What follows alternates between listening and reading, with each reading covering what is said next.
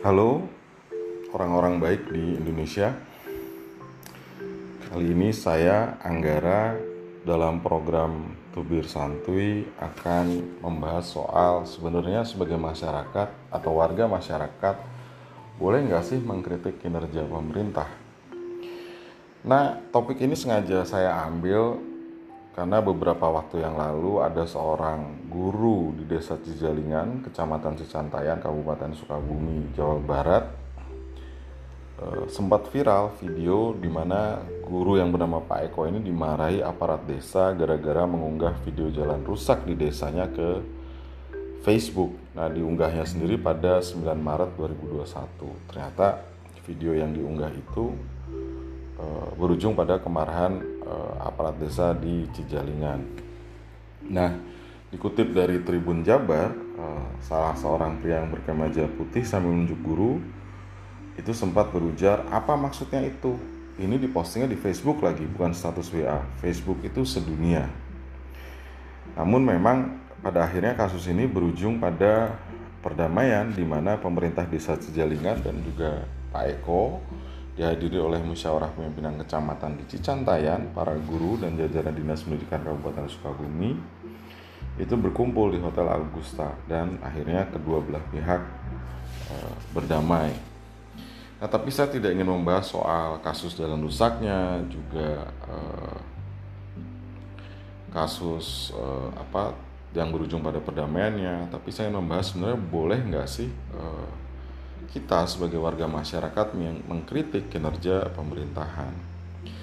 Jadi secara hukum sebetulnya kewajiban konstitusional dari masing-masing kita sebagai warga negara adalah e, melakukan pemantauan terhadap kinerja pemerintahan.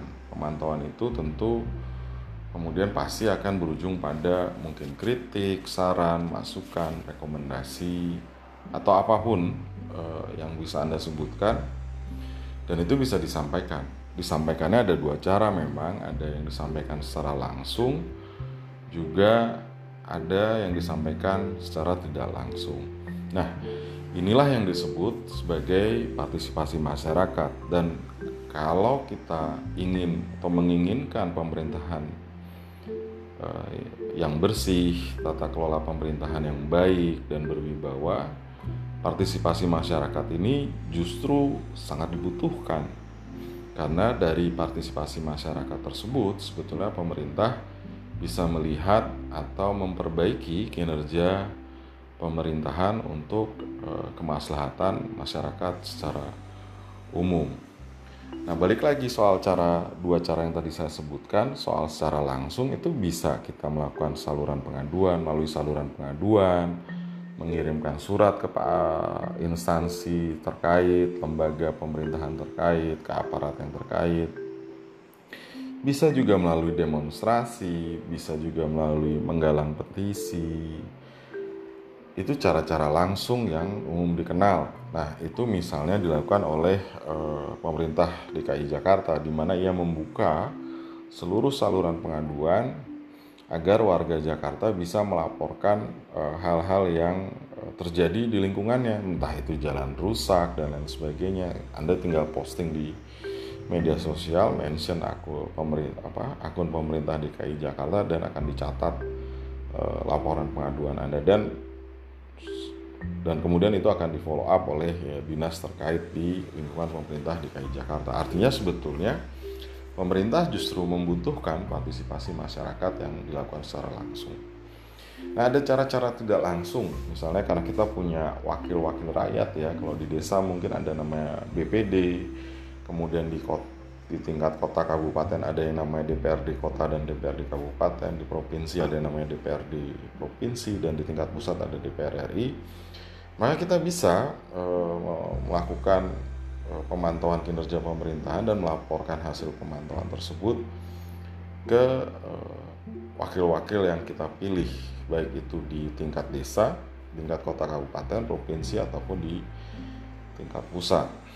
Cara tidak langsung lainnya misalnya ini banyak dilakukan misalnya sama teman-teman e, aktivis organisasi non pemerintah yaitu melakukan gugatan hukum ke pengadilan. Ini juga cara lain yang sama-sama dijamin oleh undang-undang di mana kemudian dari gugatan-gugatan tersebut eh, bukan persoalan menang atau kalah tapi apakah kemudian ada perubahan kebijakan perubahan eh, kinerja pemerintahan yang bisa dirasakan langsung oleh masyarakat. Misalnya salah satu advokat misalnya Bang David Tobing sempat menggugat gara-gara uh, kenaikan parkir dan gara-gara dia menggugat kemudian pemerintah Jakarta merevisi atau meminta agar para pengelola parkir menurunkan tarif parkirnya itu kan sebetulnya cara-cara di mana kita bisa menyampaikan uh, saran dan rekomendasi kita ke pemerintah uh, terkait jadi intinya yang mau saya sampaikan adalah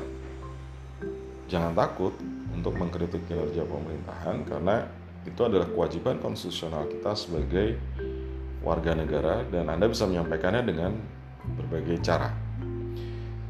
Demikian tubir santuy kali ini. Sampai ketemu lagi di tubir santuy berikutnya. Jangan lupa kunjungi website kami di ngertihukum.id dan ikuti media sosial kami di Twitter, eh, fanpage, Instagram, LinkedIn, uh, Telegram, TikTok di ngerti hukum ID. Nggak pakai dot ya. Sampai ketemu lagi.